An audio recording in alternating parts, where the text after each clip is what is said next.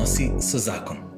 Dobro dan, prijatelji eh, družine in življenja, prijatelji gradnje dobrih odnosov. Danes vas z velikim veseljem in častjo pozdravljam v našem novem studiu. Eh, oddaja Odnosi so zakon, tokrat prvič iz, ja, iz naših novih prostorov, kjer danes gostim Luko Mauriča, eh, našega prijatelja in lahko rečemo daljnega sodelavca v tem istem področju gradnje, gradnje odnosov. Drži. Ja. Tako, Luka, dobrodošel v Krškem. Lepo zdrav, hvala za povabilo. Tako, z velikim veseljem in častjo, evo, prvi takle gost. Ja, jaz sem počaščen, moram reči. Mi pa tudi, in jaz Ni tudi. res. tako, da sem prvi. Super, super. Sva se kar nekaj časa dogovarjala. Res je. Uh, je težje spraviti človeka v živo v Krško kot na zumne. Ja, ampak ker zboli, meni- ker so karantene, ker je vse sorte. Jaz osebno se raje odzovem na povabilo, da pridem v živo ja. na en tak pogovor, kot pa prek Zuma. Zuma smo, mislim, da vsi že skoraj kar malo siti. Ja. Uh, tole je pa čist nekaj drugega. Če se sediva za isto mizo, se pogovarjava, prosva svetega duha, da nam da pravih misli, pravih uh, sebine za to, kar želiva tudi danes povedati tukaj. Točno, deva kar smot za začetek, tako kot imamo navado. Imenu očeta in sina in svetega duha. Amen. Amen. Ja, sveti duh, pridi. In naj jo napolni in da ima daj moč, a, da bo znala pravilno povedati in ja, ugotoviti to, kar je takega, da ljudi žuli, da rabijo, da v bistvu mi rabimo, ker smo vsi zakonci, ker imamo vsi vsak svoje težave.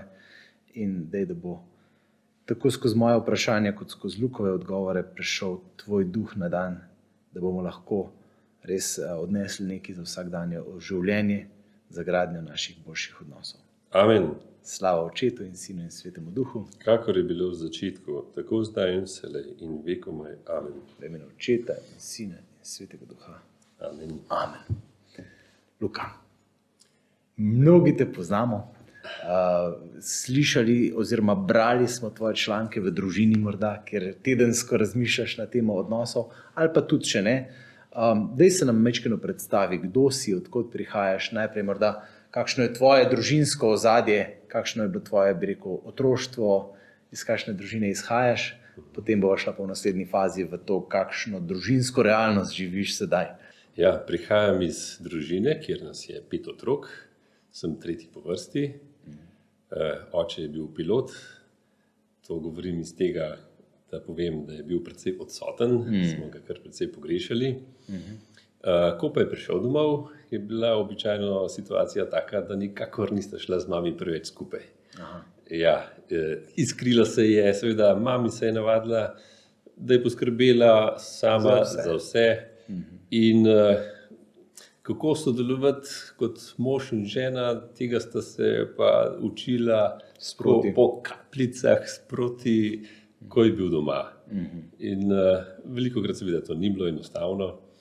Um, pa ne da bi zdaj kogarkoli kritiziral, ampak so take službe mm. uh, in uh, razumem, kako težko je tudi današnjim zakoncem, ki imajo takšne službe, mm. takšno dinamiko, da res morajo vložiti ogromno truda. Eno zavestno odločitev, da ko pridejo skupaj, se usedejo in si želijo pogovarjati ne samo o tem, kako funkcioniramo, kaj je treba še narediti, kam otroka odpeljati, katera stvar še manjka na hiši, Ampak da greš tudi v da globine. se znata pogovarjati tudi, tako, kako sta Ja. in kako sta včasih sama, kako se pogrešata. Mm. Uh, te stvari, da si znata povedati ob vsej odsotnosti, ko se ne morata kar tako vsak hip Ujeti. ujeti ali pa nasloniti drug na drugega, ker enostavno ne sta zaposlena vsak za svojimi stvarmi, to je res umetnost. Ne? Tako da jaz to zelo razumem. Um, Sveda pa kot otrok si želiš eh, odraščati v družini, kjer bi bila neka sreča, harmonija, razumevanje, sočutje, toplina, sprijetost. Mm. Vse to uh, otroci, vsak otrok. Želi, rabi, potrebuje za eno tako normalno odraščanje. Um, verjamem, da ste se potrudila po svojih najboljših močeh, da sta nam vse to, kolikor tok, dala. Um, res pa je, da potem, ko odraščaš in uh, se osamosvajaš, uh, spoznavaš, so to dediščino, zapuščino, ki si jo prijel od doma, uh, tudi v smislu, kaj vse manjka, ne, kaj vse lahko uh, si želiš, da bi še bilo, da bi prijel, pa nisi. Uh, in to zapuščino je tudi treba odkriti. Znati predelati, si jo priznati, ne? Ja, si Je jo tvanjo? Ja, ker Je notri, ne. skozi odraščanje že razvijamo neke modele funkcioniranja v odnosih, mm. uh, pa tudi tega, kako poskrbeti zase, če recimo nekdo ne poskrbi zate, uh, kako kakšne stvari preprosto pozabiti, zato da lažje živiš, mm. kako ne preveč pogrešati, zato ker to lahko boli, ampak potem, ko pa vstopiš v odnos s človekom, ki ti največ pomeni, pa Pa da tega te ne pričakuješ potem od njega na način, da ti bo on vse rešil. a? Je Ja, tako? krepenjenje je veliko. Ja. Ja. Prav to, da bi ta človek vse razumel, da bi ob njem vse to prejel, to dobil in to zaživel, Ja. Kar do zdaj nisi. Ne? Ja. Ampak kar se pa zgodi, je pa to, da točno te stvari, te svoje vzorce preneseš v ta novi odnos. In sploh ne razumemo in ne vemo, kako znamo biti pri tem uh, nehuti uničujoči. Ne? Mm. Uh, z recimo preprosto stvarjo, da ne pogrešaš drugega, ko je odsoten. Ne? Uh, recimo, jaz nisem več pogrešal očeta, ko je to manjkal, ker mm. s tem nikamor ne prideš. Si razvil mehanizme, da si se s tem spoprijel. ne? Tako, ja, ja. Ja. In preprosto teh stvari ne odpiraš potem v odnosu. Mm. Zna biti pa potem to za uh, zakonca sporočilo, a kar vseeno ti je, a sem ob tebi ali me ni zraven tebe. Se pravi, si lahko kar tako živiš, a ti sploh kaj pomeni, da sem. Mm. Take stvari. Če greva nazaj v Ja. tvojo zgodbo, ne? Ma, malo smo se prej pogovarjali, si mi je mečkim podrobno nekatere stvari povedal, ki jih morda tudi jaz prej nisem vedel toliko. Um, se pravi, ti si ta proces iskanja si pelil najprej skozi eno zanimivo pot, si šel skozi pot razločevanja tudi duhovnega poklica in časa. Ne? Ja, res je. In si v bistvu veliko tega, o čemer si zdaj le že govoril, v resnici prepoznal pri sebi v teh letih tega, te formacije. Recimo. Pa začel prepoznavati, Ja. ja. Ne? Ja, po gimnaziji sem se upisal najprej na teološko fakulteto kot laik. Sprašval sem se tudi o poklicanosti, duhovniški, redovniški. Konec prvega letnika nekje sem se odločil vstopiti k frančiškanom, eh, ker sem si želel skupaj z njimi priti temu vprašanju poklicanosti do dna, ga razčistiti, ali je to to, ali, ali to ni to pravo. In ja, seveda, v teh letih, eh, študentskih letih, eh, se človek najbolj nekako išče, oblikuje svojo identiteto, kdo sem jaz za Boga, za druge, kaj je Bog vame položil, k čemu me kliče. Vse to sem se spraševal. Ne.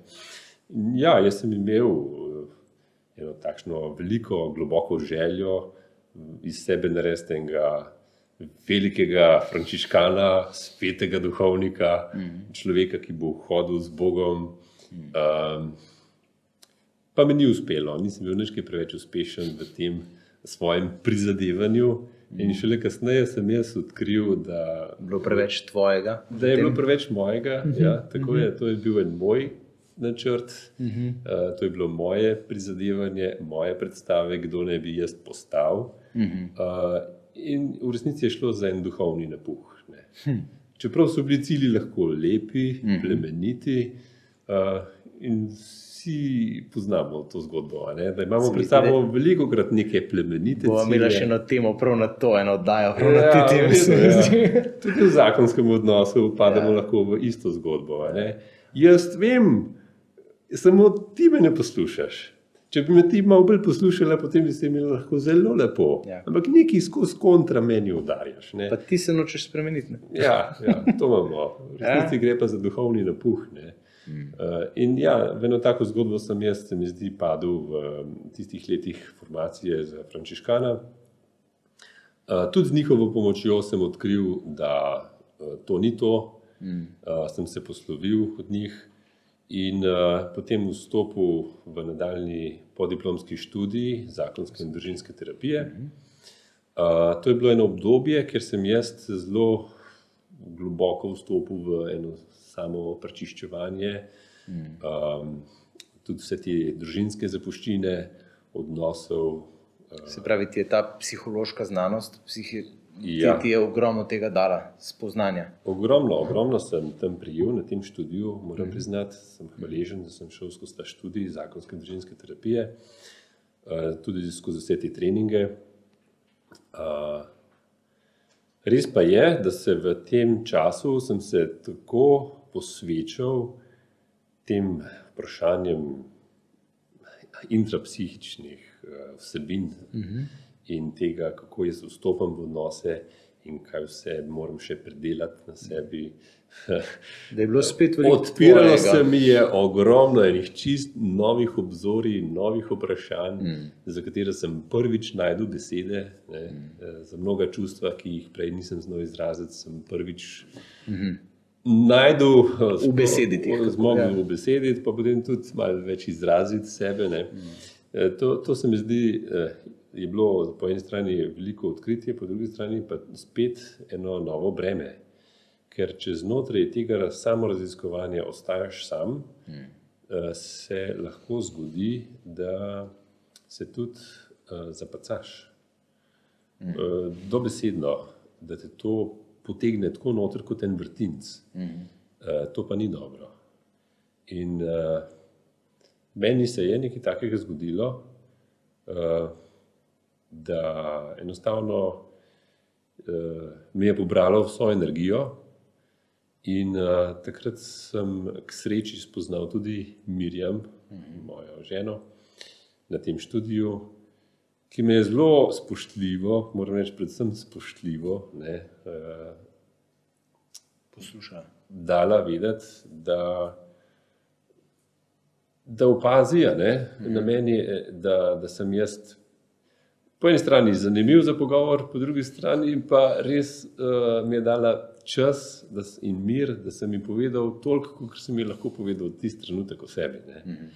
In skozi to spoštovanje in svobodo, ki, ki mi ga je dala, sem se začel počasi jaz sestavljati nazaj. In uh, danes sem Bogu najbolj hvaležen prav zato, da sem se sestavil z njo, uh, ob njej.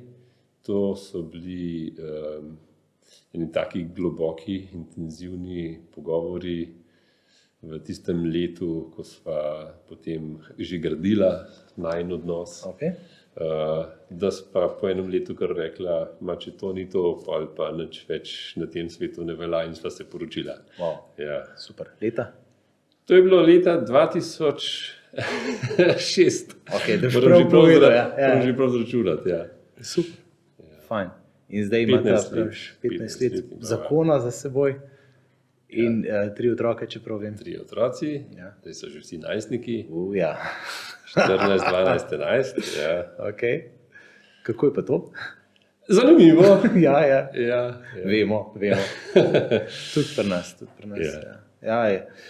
Ful vidiš ne, te vzorce, ki si jih ti takrat predeloval v teh svojih najstniških letih, se mi zdi pa ta pogrešanja. Ne? Ja. Pač jaz ja. imam neko podobno izkušnjo, ki je bil tudi oče odsoten, ogromno. Ne, in smo se hiteli, da je na obisk prišel, kadar je prišel. Ne, in dejansko uh, vidiš, kako, hm, zdaj ne vem, ali si mi zmislil besedo ali obstaja, kako se moraš kot moški v zakonu, pa v odnosu do otrok, namenoma uprisotnjevati. se pravi, ne, jaz Ja. sebe se moram prav namenoma vleči v te odnose, namenoma se odločati, da, Ja. da sem z njimi. Ne. Zavestno odločen. Zavestno, ja. namenoma se odločiti, Ja. da sem prisoten, ne, ker ja. bi me sicer fš, odneslo čist drgam. Ne. Ja, Oni pa v resnici z vsemi svojimi najstniškimi ja. izzivi, izpadi, iščejo v resnici samo to. Ja. Mojo resnično prisotnost. Ne, in, Točno. To- Iščejo tebe, noro. otroci iščejo mene. Ne. ja. Najbolj, najbolj je to. Mm. Uh, in ima zelo prav, ne. prav zavestna odločitev, ki jo moramo sprejeti vsak zase, mm. da sem tak, vsaj par minut Na dan. na dan Ja. za otroka, Ja. samo njemu posvečen. In pa, ko jih je več, ne. In to ni uh, takrat uh, materija šola, a si se pripravil torbo, si pripravljen na to, kar te jutri čaka. Mm. Ampak da je uh, takrat v središču on. Mm. Mm. Pa da ti nekaj pove, kar, karkoli. Karkoli, ja, ja, kar mu ja. pač leži na duši. Ja. Se to še tako neumne stvari v naših očeh. No. Ampak njemu se pa zdi pomembno, da ti pove. Ja. Ja, in to je treba spoštovati, mm. in zato se je treba res uh, ogromno enega emocionalne, pa duhovne energije vložiti v to. Ne. Se mi zdi, da pač, ja. sploh če sam kot otrok tega nisi bil tako deležen, je treba da res še malo več. No. Ja, predvsej več. Ne, ja. Ja.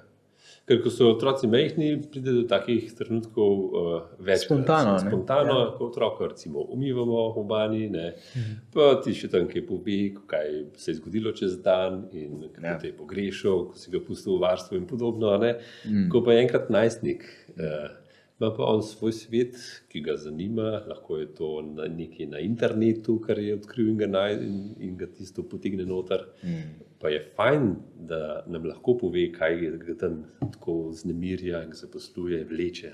Ja. Kaj mu to pomeni? Super, če nam lahko o tem govori. Ne?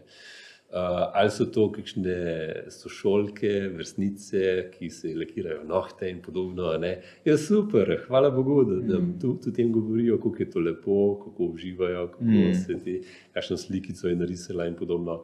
Um, mm. Ampak mi si moramo sami odločiti, da poiščemo otroka in da ga vprašamo, kaj je počel, kako je. Uh, da smo z njim tam, kjer je on, ne? da smo z njim ja. v njegovem svetu prisotni. Ja. Ja, to, ja. to se mi zdi res bistveno. Ja. Kaj pa žena in njen svet? Njen svet je pa skoraj usporedno vesolje. ja, ja. ja vse te vesolje se eh, srečata, se skupaj govorimo o tem, kako smo mi dva, žena. Ja, ja, ja. Kako uh, gradite vidva zase? Um, tako, imam eno posebno podvprašanje ja. kasneje na temo ljubezni in spoštovanja, ker vem, da ste se veliko angažirali skupaj. Uh mhm. -huh. Ampak tako, mogoče zdaj, trenutno, day to day, v uh mhm. -huh. teh koronskih norih časih, uh -huh. kaj počnete, da se nekako vidva, ti dve vesolji prihajata skupaj, če tako rečem. Prihajajo skupaj. Ja, zmeri znova uh, sem jaz presenečen, kako so si različna. Ne? Ona verjetno ugotavlja za me, ne? kako mm. sem jaz drugačen od nje. Um, kaj je tisto, kar uh, ohranja ne, eno, eno bližino, ne, ja. da, da smo na isti strani knjige.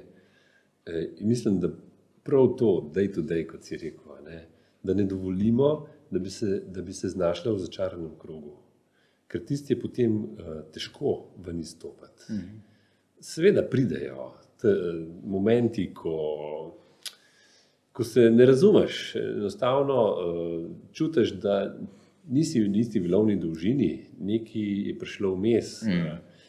Ampak je fajn, da se čim prej, čim prej res usedeva, pa se odpreva. Kaj je tole, kar se vmes, ne naselilo med nami? Imate vi tako dnevno rutino, ko se usedete, ali je to pač midva spontano? Vsak dan imamo zjutraj skupno kavo, pa mm. popoldan skupno kavo. Aha. Eh, zdi se tako, mogoče vse nič posebnega takrat ne, ne načenjava kakšnih, kakšnih globokih pogovorov o nama. Mm. Uh, ampak sem to, da zjutraj, ko začneva dan, da se skupaj uglašena. Mm. Uh, in da ne manjka tudi kakšna beseda potrditve, objem, poljub. Mm. Pa potem, ko prideva spet iz službe skupaj domov, da je tam enkrat popoldan. Uh, Neka kava, ki se spet usedeva za mizo, v piškotku, kajšno rečeva. Kaj, mm. Ona običajno pove, kaj se je zgodilo v službi, ker ima to potrebo, da pove, če jo kaj spremlja še iz službe, iz tega dela dneva. Mm. Um, mene v glavnem te stvari, ne bom rekel, da me zanimajo.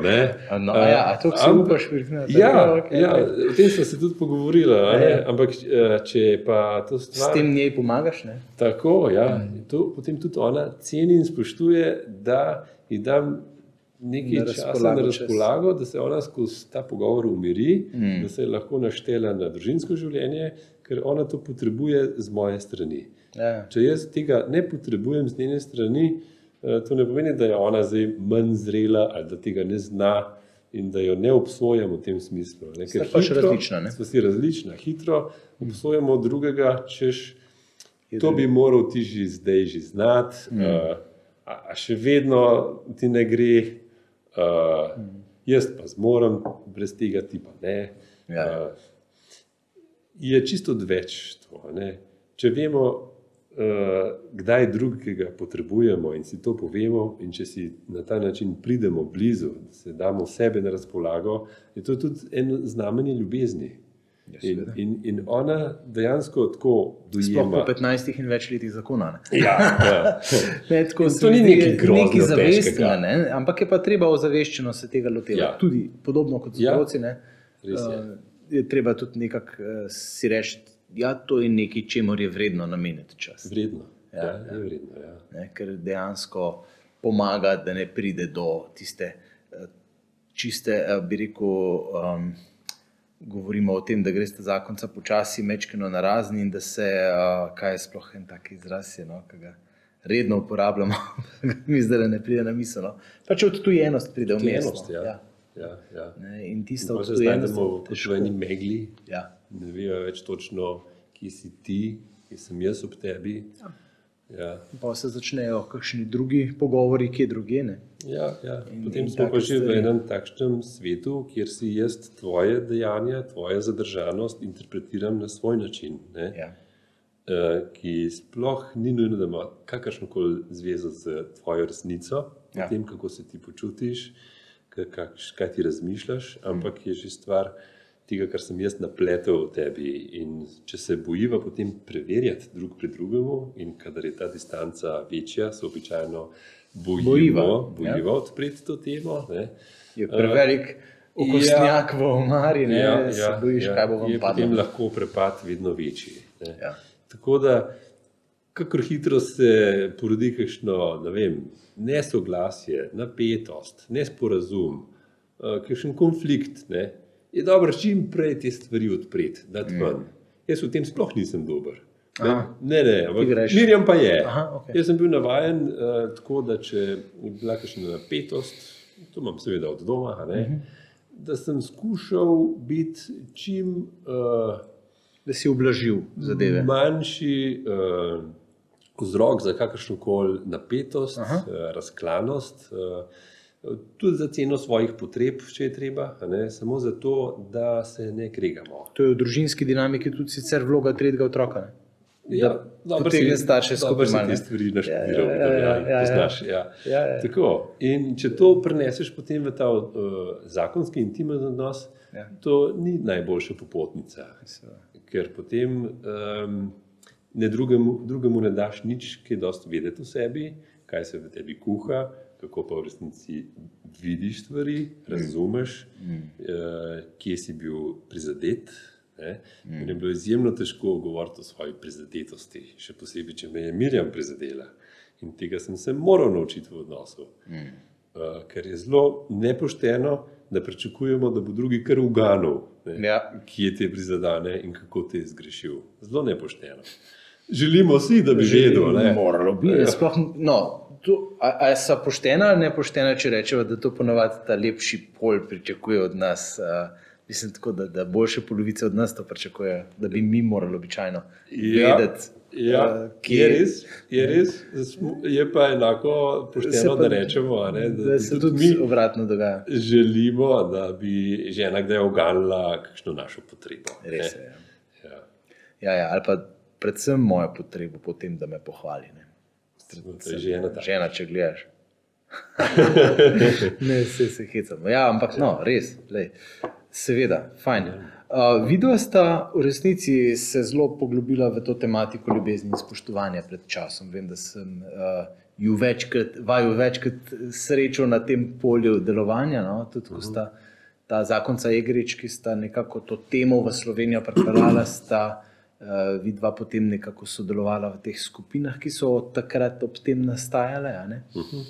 Um, tako, zakaj, oziroma kako vaju je ta tema posebej nagovorila, zakaj vaju je to posebej nagovorilo, pa česa ste se morda ob tem naučila, kje smo, kje smo zakonci na tem področju šipki ponovadi. No? Um, ja, mogoče najprej povem, kako sem mi prišla do tega tečaja, ljubezen in spoštovanje. Uh -huh. V prvih letih zakonskega življenja so se nam rodili tri otroci, zelo skupaj, en za drugim. Uh -huh.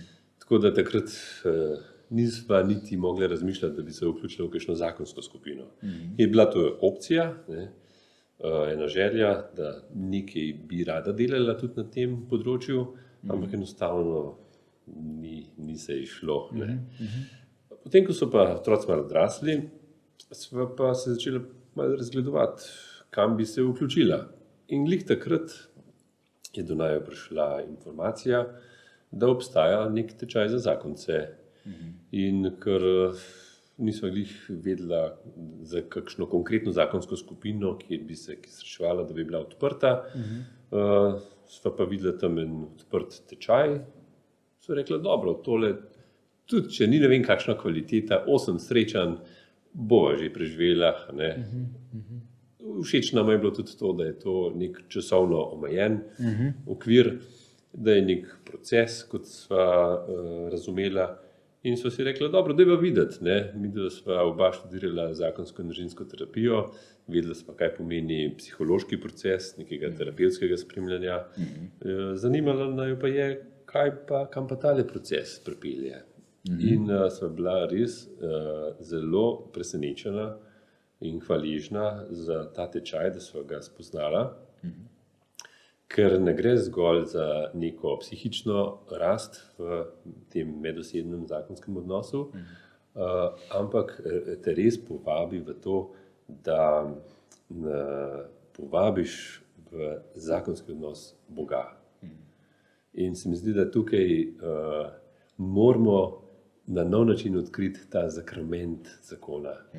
Mi smo se, rečemo, poročili v cerkvi, ne, da je bila crkvena poroka. Mm -hmm. Ampak tisto, kar bi uh, morali reči glede poroke, bi prav, da bi rekli, da smo se poročili ne v cerkvi, ampak v Kristusu. Mm -hmm. Oblekli smo Kristusa in naše življenje je posvečeno. Ja, skrito v Bogu. Ja. Tako. Mi imamo uh, posvečeno življenje preko zakonca smo svoje življenje posvetili Bogu. Mm. In uh, meni uh, so se res tlele v marsičem odprle oči, kako uh, konkretno v tem najnem odnosu uh, res uh, povabiti Jezusa uh, skozi zelo preproste stvari, skozi najne potrebe, skozi najno različno naravo, moška, ženska narava. Mm -hmm. Uh, Kako je v resnici to odraz božjega načrta? Boži, da je božji načrt ne, tukaj noter. Ja, ja. V tej uh, najni različnosti, ja. ki naj včasih nam gre tukaj na živce. Zna biti ogrožujoča, če jo ne razumeš na prav način. Da se jo ja, bojiva, da mm. naj umoti. Ja. Ki si želiva, da bi bila ti malo bolj meni podobna, pa bi bilo veliko lažje. Mhm. Se pravi, ženska ima res tudi to potrebo po ljubljenosti, moški, po spoštovanosti. Ja, ta tečaj veliko govori o, o tem, da je moška in ženska narava. Uh mhm. -huh. Oba potrebujeva tako ljubezen kot mhm. spoštovanje. Uh mhm. -huh. Ampak je pa ena temeljna razlika, ki pride na dan, predvsem, kadar smo v konfliktu. Uh -huh. Takrat moškega predvsem zanima. A me še spoštuješ, mm. a te še zanima, kako jaz stvari vidim, razumem. Uh, in mi daješ prostor, me upoštevaš v tem, da te zanima, da ti jaz lahko povem ne, v ja. miru. Ali te to ne zanima? Ne? Skratka, takrat smo mi občutljivi na tem. Ne? Ženska je pa občutljiva na tem, a me imaš še rad. Ja, ja. In uh, naša reakcija je običajno moška, takšna. Ne? Da v konfliktu želimo stvari malo pri sebi razmisliti, ohladiti čustva. Ja. Ne bom jaz zdaj le se bojeval za žensko, za osebo, ki pravi, da me ima rada, to ne gre skupaj. Ne bom se bojeval in se umaknil. Ne? Ja. Ampak moj umik pa ženska razume kot neljubeč. Nekaj dejanje. Uh, Ja, ne ljubiče dejanje, mm. odtujitve, umakneš se iz odnosa, mm in ženska, ki po naravi goji odnose. Ona v bistvu hoče, hoče pritiskati za seboj. Hoče se povezati ja. z mano, ne, išče me uh, in to doživlja kot da je nimam več rad. Ne. Pa to ni sporočilo, ki ga želim jaz dati, ampak v njej se to, ta dvom prebudi. Na tak način. Ja. In mi se moramo tudi tega zavedati, kaj s svojim vedenjem, s svojo reakcijo eh, lahko prebudimo v drugem nehote. Tako. Kaj sporočimo, Tako. brez da bi to želeli. Ja, brez da bi to želeli. Ja. In če se uh, malo poglobimo v to poznavanje moške in ženske narave in upoštevam, če jaz kot moški upoštevam, da je ona občutljiva kot ženska mm. na tem področju, je potem in bom jaz najprej to zagotovil. Je bom dal vedeti. Lej, ne, ne, da te nimam rad. Ne, da te nimam rad. ja. Ja, ja, ja. Ampak zdaj res ne vem, kaj ti naj povem na to, kar ti želiš od mene slišati. Mm. Nimam še besed. A se lahko zmenjava čez eno uro. Ja. Ti bom mogoče lahko kaj več povedal o tem. Mm. Če na ta način pristopim do ženske, ona vidi, da me ne zgublja, ne? da se ji nočem jaz odtujiti. Ja. In, in potem čez eno uro, seveda, drugače pogovor steče.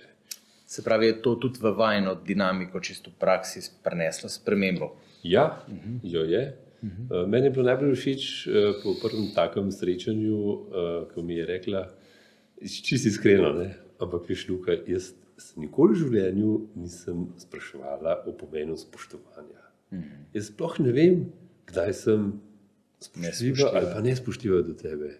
Čisto iskreno. -huh. Da, a mi boš povedal, ko bom jaz nespoštljiva do tebe, a mi boš ti to povedal. -huh. wow. In jaz sem rekel, wow. Ja, Super. Gremo še. ja. Gremo še. ja. ja, res, ja, se, v resnici, ne, če tako gledaš, um, kaj je tisto, kar bo deca pritegnilo v enogradne odnose. To se večkrat recimo zdi kot nekaj, kar rabijo ženske, ne? dejansko tudi, ko gremo ali pri odločitvah za zakonsko skupino, ali pri odločitvi, da greva na seminar, ali kakorkoli, je v pretežni meri so ženske tiste, ki potegnejo v to gradnjo odnosa. Ja, drži, ja. uh, zdaj, moški pa mora vse en videti, ne, kaj je pa tukaj za me. In uh mhm. -huh. ja, evo, če, če vidi, ja. lej, če boš šel pa na tole, ne, pa bo ona te začela bolj spoštovati. Pa rečejo, kje se lahko pišem. Ja, točno. In ja. to je uh, skrivnost, uh, ki jo odkrivamo, pa čeprav je že 2000 let zapisano v svetem pismu. Ja, ja. Sodobne psihološke raziskave to samo potrjujejo. Ja, ja.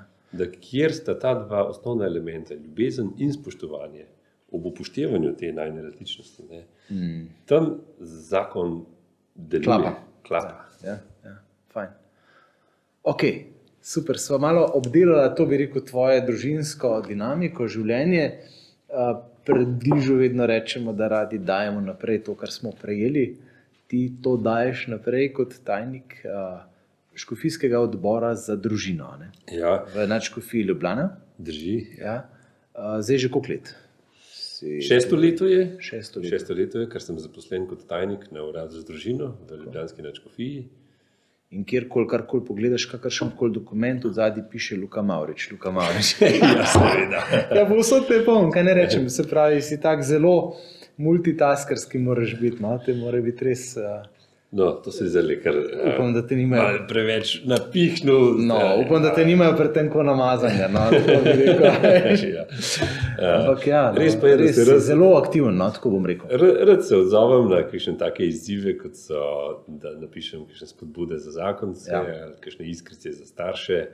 Uh, to je tudi za mene izziv, uh, za mene kot očeta, mm -hmm. pa tudi za mene kot zakonca, da se vedno znova vprašam, okay, kje pa jaz zaživim, kje, kje jaz srečam otroka, mm. uh, kje se jaz najdem z ženo, ali pa tudi uh, še ne najdem čist z njo. Mm.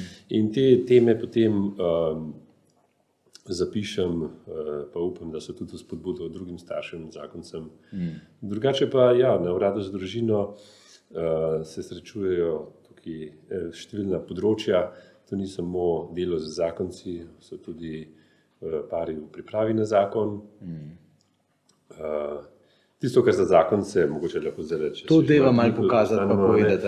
Ja, ja. So, so take knjižice, ki jih uh, pripravljamo vsako leto kot priročniki za zakonske skupine. Tako. Tukaj sem prinesel samo dve. Um, Jih je pa kar na štiri že, ne? ali kako večletnikov. Ali... Kar sem jaz prišel, uh, redno skrbim, da je vsako leto, leto. šest, torej izide ena taka knjižica. Ja. Uh -huh. Niso vse moje avtorsko delo, prva, uh -huh. Blagor Nama, je mogoče še najbolj prav uh -huh. moje delo, uh -huh. uh, kjer sem že prej več let raziskoval to, kako bi naše uh, zakonsko življenje odprli za teh Jezusovih osem blagrov, ne? kako uh -huh. jih živeti v najnem odnosu. Mrsi, katera dižava zakonska skupina, ki je zmanjkalo, bomo rekli, čist naših gradiv, smo povabljeni in priporočili, da si uh, vzame tudi ta gradiva. Tako da, a, morda čist konkretno poveš, kje jih lahko še kdo najde. Uh, tudi na, na spletu, strani, na ja. spletni strani pastoralnega portala, pridi in poglej. Recimo, uh -huh. ja. Tam se najdejo. Pridi.com je. Pridi.com je. Ja, ja. um, Nekatere pa tudi v tej eh, materialni knjižni obliki se tudi še dobijo. Uh mhm. -huh. Recimo, tudi uh, tale je od uh, lanskega leta, po tvoje varstvo, približno, oziroma že pred lanskim, reči, ja, 2019-2020, uh, o tem, kako se lahko še vedno učimo od Marije. Uh, Marija je naša prva učiteljica, Jezusova, najboljša prva učenka ne, -huh. v njegovi šoli. Uh, in mi se res lahko od nje marsikaj naučimo. Marsikaj tudi zrihtane.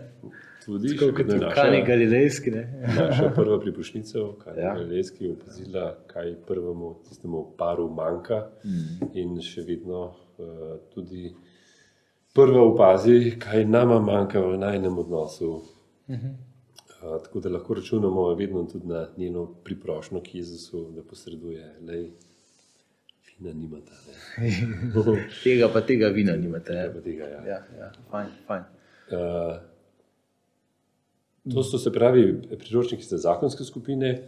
Uh, potem pa seveda spremljamo tudi vse ostale skupine, kot so zakonci v krizi, uh, loč, skupine za ločene oziroma razvezane v cerkvi, mm. uh, moške skupine, uh, skupine za oduvele, Skratka, ne da bi ne vem, kaj zdaj eh, delali programe za vse te skupine, ampak eh, pomagamo pa pri organizaciji kakšnega srečanja za razvezanje v cerkvi, recimo, eh, ohranjam stike z vsemi temi različnimi postoralnimi področji, s predstavniki, s predstavniki skupin, mhm. recimo so skupine za ženske, skupine za ostarele. Tako da Uh, imam pregled čez eno področje, mm. v tem širšem smislu pastorale družine. Mm. Kaj se ti zdi, da je tukaj trenutno en tak večjih izzivov? Znotraj tega deluje tudi ta center Betanija. Ja. Uh, kaj mogoče konkretno je to, pa tam imaš dejansko tudi konkreten stik s pari v stiskami preko terapij, pogovorov. Uh -huh. uh, mogoče lahko poveš, kaj se ti zdi, da so danes izzivi in tako bi rekel, največje stiske družin, no, ki, s katerimi se soočajo, soočamo? Ja, dobro vprašanje. Eh, Center Betanija je uh, eden uh, tistih centrov, ki imajo že zelo dolgo tradicijo, uh, 30 let deluje skozi uh, to svetovalno področje, eh, kjer svetuje staršem, zakoncem, eh, pa tudi samskim mladim. Včasih je bilo na tem centru tudi več skupin, skupine za samske, zdaj je v glavnem ostala svetovalnica in še to po telefonu. Ne. Ampak sem pa vseeno zelo hvaležen za to svetovalnico, ker iz um, strani staršev, zakoncev, pa tudi samskih, ja, predvsem pa tudi mladih, um, iz prve roke slišim za njihove težave, njihove stiske, vprašanja, ki jih zaposlujejo. Uh -huh. uh, in v zadnjem času, uh, predvsem v povezavi s to korono, ne, vidim, da je mogoče še malo več neosamljenosti, uh -huh. uh, več je tega, da se zgodi, da se človek preprosto zapre v svoj ozek svet, ne hote. Virtualni klik. Ja, ja. Ja. Eh, in mu ta notranji svet postane tako majhen, tako ozek, da enostavno ne zmore več izstopiti v, ven iz sebe. Mm. in se srečati s človekom, ki v, v njegovi dru, dru, drugačnosti. Ne? Ampak se vedno bolj zapira v svojo majhnost, mm. strah pred odpiranjem z drugimi je pa vedno večji. Mm. To je tudi ogromna težava v tem času, pri tem, ko se mladi težko srečajo, tudi recimo samski, da bi si našli mm. partnerja. Ne? Se mi zdi, da to je izjemna škoda tega časa, ki nastaja. Ne? Ja, ja. Se pač pogovarjam s kom, ki pravi, lej, kako naj pridem do nekoga. Ne? Že prej, že pred korono, je bilo to za te samske, ne? sploh ni enostavno. Ja. Ne? Uh, ne vem, tempo življenja, ki ga živimo, je tak, da enostavno tudi za njih ni preprosto eh, kar srečati ja. druge samske ljudi. Imajo službo, ja. še v resnici sami morajo zase poskrbeti, si skuhati, si uprati, si izlikati. Mogoče še stopijo lahko kam. Da kakšno stvar upravijo, kakšno skupino, ki ji pripadajo, mm. ampak da bi pa kar preprosto srečal tako na hitro nekoga, ki s katerim se potem začneš eno poglobljen pogovor, pogovor odnos, ja. skupno spoznavanje. Ja. Je pa v resnici malo takih priložnosti, že za samske bilo prej, pred korono. Zdaj, v času korone, ko je delo nadaljavo, ko ja. se moramo še bolj držati zase, ko so srečanja odpovedana v živo in enostavno kar imamo, je samo še ta zoom, mm. je pa teh priložnosti še toliko manj. Tako da mene ne čudi, da je samskih vedno več mm. in s tem tudi osamljenosti, ne samo samskosti. Ja, Kaj pa so, recimo, zdaj, da smo vstopili v čas, ko v resnici letos smo v letu družine, pa se mi zdi, da zelo malo kdo resnici kaj ve o tem. Da je nam malo predstaviti to dogajanje v letu družine, kako lahko mi sami k temu prispevamo zdaj le konec decembra, se pravi prvo nedeljo po Božiču, je tudi nedelja svete družine. Uh mhm. -huh. Kako lahko mi, krščanski zakonci, ki smo, bi rekel, del nekih krščanskih občestev, zakonskih skupin in tako naprej, kako lahko to našo poklicanost, družinskosti, gradnje odnosov bolj potenciramo v tem času, kaj lahko naredimo, kaj lahko dajemo naprej, če tako rečem, vodiževo. Uh -huh. Mhm. Ja, zelo dobro vprašanje. Uh, se mi zdi fajn, kar si rekel, kako lahko mi to uh, dajemo naprej. Ja, poklicani smo. Ne? Točno to. Ja. Ja. In leto družine ima, mislim, predvsem ta namen. Kot smo rekli, stiske so velike. Ja. Samski in tudi poročeni v tem koronskem času, oprosti, da te prekinem. Ja. Ampak dejstvo je, da je izreden čas in da je hudo. Ne? Zdaj pa mi smo vajeni te crkvene teme videti s crkvenimi očmi, v resnici jih moramo pa videti z našimi konkretnimi očmi, vsak dan, sosedov, prijateljev. Ja. Uh, meni se zdi tako lepo, da je naslov tega leta družine hoditi za družino, ja. hoditi z družinami. Um, čist preprosto, ne? da delamo korake od tam, kjer smo, -hmm. tako znotraj naše družine, pa tudi, ko se povezujemo z drugimi družinami skupaj hodimo po poti. To se mi zdi tako lepa podoba, -hmm. ki jo tudi uh, sinoda zdaj nadaljuje, v mhm. resnici, to leto družine. Uh, tisto, kar pa je papež Frančišek za tem letom družine želel, da se malo bolj premaknejo stvari, pa razumem predvsem v tem, da na družino ne bi več gledali kot na nek uh, objekt pastorale, mm -hmm. v smislu, kaj bomo zdaj naredili v cerkvi za družino, ja. um, katere spodbude jim bomo dali, uh, katere programe. Se pravi, da je družina samo kot nek prejemnik, kot nek koristnik nekih storitev. Ne? Recimo, ja. Ja, ja. Ampak da se začne na družino gledati kot na enega osnovnih akterjev. Ja. Pravi, subjekt pastorale. Točno gradnik. Pastoralno spreobrnenje. To je pastoralno spreobrnenje ja. v naši miselnosti, filozofiji in v naši praksi. Tukaj in, še malo manjka. Ja, to je v resnici ja. uh, že začel uh, čist najprej na idejni ravni, drugi Vatikanski koncil. Mm. Uh, v prakso pa še moramo spraviti. Ne? In z letom družine želi papež Frančišek predvsem to, tako jaz to razumem, da bi vsi skupaj naredili en premik. Okay. Tako v formaciji bogoslovcev, ko se oblikujejo v duhovnika, da bi znali predvsem sodelovati z družinami, z zakonskimi pari. Krasno je, da tle v družini in življenje imate to isto, eh, zasledujete isti cilj, isto vizijo in prepoznavate svoje poslanstvo prav v tem, ne? Eh, da ste vi tisti, ki želite dajati naprej. In eh, ko recimo pride do tega sodelovanja, takrat enostavno življenje prebudi, takrat marsikaj steče samo od sebe.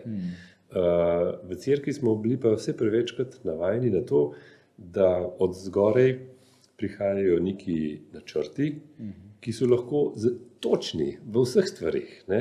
Samo kako so prenešeni na lokalni nivo. Ne? Kako je potem te načrte spraviti v življenje, ja. je pa potem uganka za vse. Uh mhm. -huh. Za župnika na župniji, za škofa, za katehista, ki se ukvarja z otroki, hmm. za voditelje drugih skupin. Um, mislim, da Papež Frančišek pa želi tle malo drugačen pristop zauzeti. Ne? Uh, ne prihaja na dan z nekimi naprej izdelanimi načrti, uh, ampak uh, predvsem s povabilom, da se začeti pogovarjati, da se začeti malo bolj poslušati.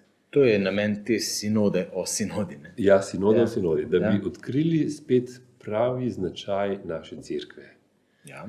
Pravo naravo, ki je precej drugačna od recimo nekih drugih dobrodelnih organizacij, ki delujejo v tem svetu mm.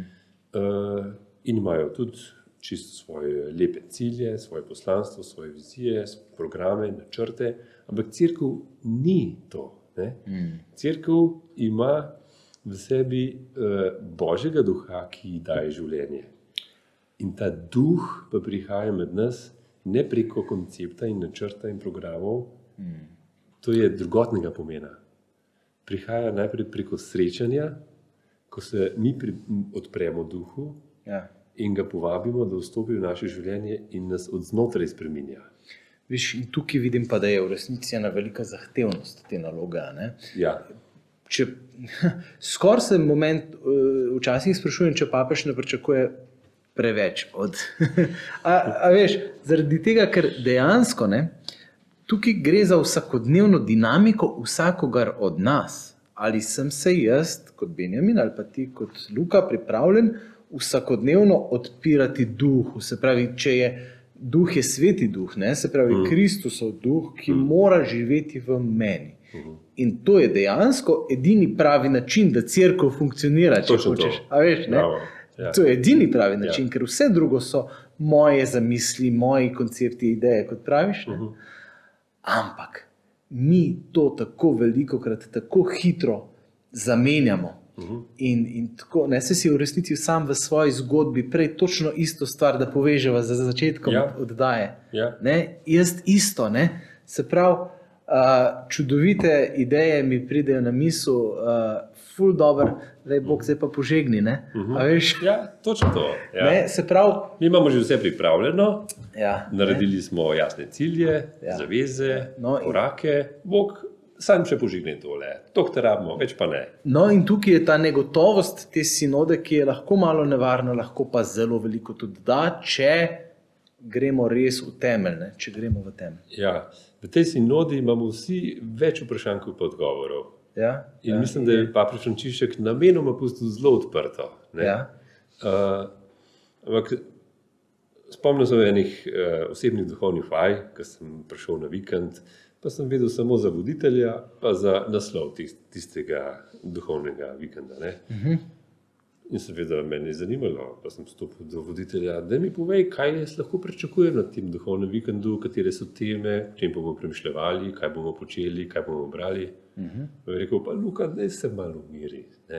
A se lahko samo prepustiš, ja. pa zaupaš. Pa jaz sem tako rekel, pa me res zanima, ne, kaj lahko pričakujemo tega vikenda. Kontrolo bi imel jaz. Ja. Seveda, jaz sem hotel imeti en, en kontrolo, en, en ja, predogled, ja. zato da se malo na to naštela. Mm. Rekel, a se lahko samo prepustiš, pa zaupaš. Mm. Dobro, prav sem sprejel. Ne? In to je bil en najboljših duhovnih vikendov, kar se jih spomnim za nazaj.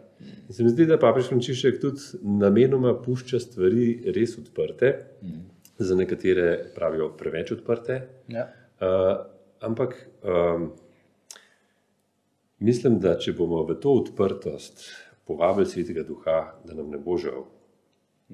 Ker prevečkrat se zgodi, da si znotraj naših idej, projektov, vizij, ki jih že imamo v svoji glavi, naredimo neko podobo ali cerkve ali programov, ki potem ne dajo pravega življenja. Mm. Uh, in prej si rekel, da papež ne pričakuje malo preveč od nas, ne, ker je tukaj vprašanje za vsakega posameznika. Ne, ja. Sem se jaz pripravljen odpreti duhu ali ne. Mislim, pol, če papež pričakuje preveč, Jezus pričakuje preveč. Ja, gled, Jezus pa je zahteven. Ja. Ja, ja, in naloga crkve je, da oznanjamo Jezusov evangelij. Ja. In, uh, To je vprašanje. No, tukaj, tukaj jaz v resnici tudi vidim no, potrebo, da se formiramo, da delamo. Ne. Tudi znotraj družin, mi, pari, da delamo kontinuirano na se pravi, odnosu drug do drugega, ampak res ne predižu skozi trobimo s tem trikotnikom. Ne, se pravi, kolikor bliže je vsak od zakoncev o Bogu, toliko bliže sta drug drugemu. Ja. In, in da vsak od nas vstopi v to delo tega odnosa z Bogom gradnje odnosa z Bogom, uh -huh. ki naj jo bo pripeljal skupaj. Da smo tudi mi, krščanski zakonci, formirani, da znamo kaj povedati o svoji veri, da se poučujemo o tem. Da imamo potem kaj dajati naprej. Ne? Da ni to neki, uh -huh. da spet ne dajemo naprej samih sebe. Uh -huh. Luka, kaj konkretno lahko recimo, v luči tvojega dela, v luči tvojega angažmaja storimo?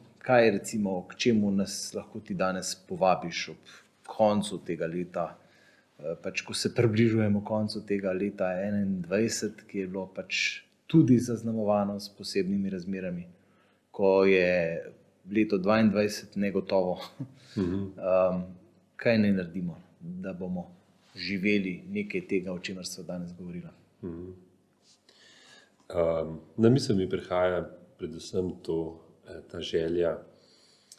Uh, želeli bi si, da bi bilo več ljubezni med nami, ne? to iščemo, ampak ta ljubezen bo prišla v naše odnose, uh mhm. -huh. Če sem jaz pripravljen postati kanal te božje ljubezni za drugega. Uh -huh. Pol je lahko med nami več te ljubezni.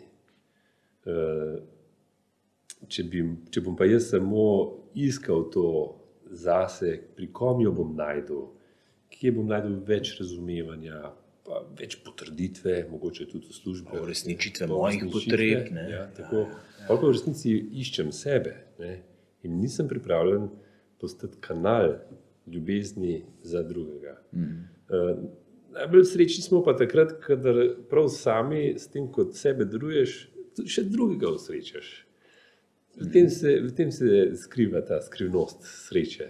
Mm. In bi uh, prvoščil res vsem zakoncem najprej, ne, da odkrijejo to skrivnost, da če se jaz, uh, če sem pripravljen na to, da postanem odprt kanal za božjo ljubezen do svojega zakonca. Uh, ja potem se lahko nekaj med nami začne tudi drugače odvijati. Kanal torej predvideva, da, da priteka ne, da moje priteka življenje, milost, mene, ki jo ja. potem jaz skozi mene dajem naprej. Dajem. Z, ne, jaz vidim konkretno pri sebi veliko krat razliko. Ne, kadar imam v izobilju te božje milosti v mojem življenju, to kar teče, to gre kar samo od sebe. Uh mhm. -huh. Se mi zdi. Ne. Uh, veliko krat vsa razlika, ne, tako na tem sinode, kot se je prej omenila, kot tega, kaj naj počnemo v prihodnje, je razlika samo v tem, ali bom jaz na silo hotel en performance izvajati, tudi v mhm. svojem zakonu, uh mhm. -huh. ali pa bom res, kot praviš, kanal. Uh -huh. To je čudovita. Uh -huh. Bi rekel, čudovito povabilo, ki ga moramo prav razumeti in dejansko. Uh, se zavedati vedno znova, da je to edini način, ja. da, da spravimo v prakso. Ne. Vse ja. drugo so in... samo odrešitvene tehnike. Ki... Ja, in, in čisto prav je, da imamo zdaj v adventnem času, ki je pričakovanje, ne, mm -hmm. da imamo pričakovanja tudi za najn zakonski odnos, mm -hmm. pričakovanja v družinskem življenju, ampak da s temi pričakovanji drugega ne uh, zasujemo, v smislu od tebe pričakujem, da zdaj ti mi moš v tem in tem ustreči ali pa na to odgovoriti. Mm -hmm. Ker takrat uh, smo lahko tudi zelo nasilni s tem, ne? tudi če Ja. so to tiha pričakovanja. Uh, ampak da jih polagamo pred Boga, Mhm. pred njega. V molitvi pa skupaj prosiva za to, da se te srečajo, te najne želje, najne pričakovanja, ki jih imamo. Mhm. Takrat dajeva svobodo, spoštovanje drug drugemu, Mhm. pa nobenih pritiskov. Sem vesel, da smo se tako srečala, pa da se veselim še nadaljnih sodelovanj naših. No. Hvala, enako, res Tako. sem počaščen za to povabilo. Ja. Za, hvala za iskren, eh, prav pogovor.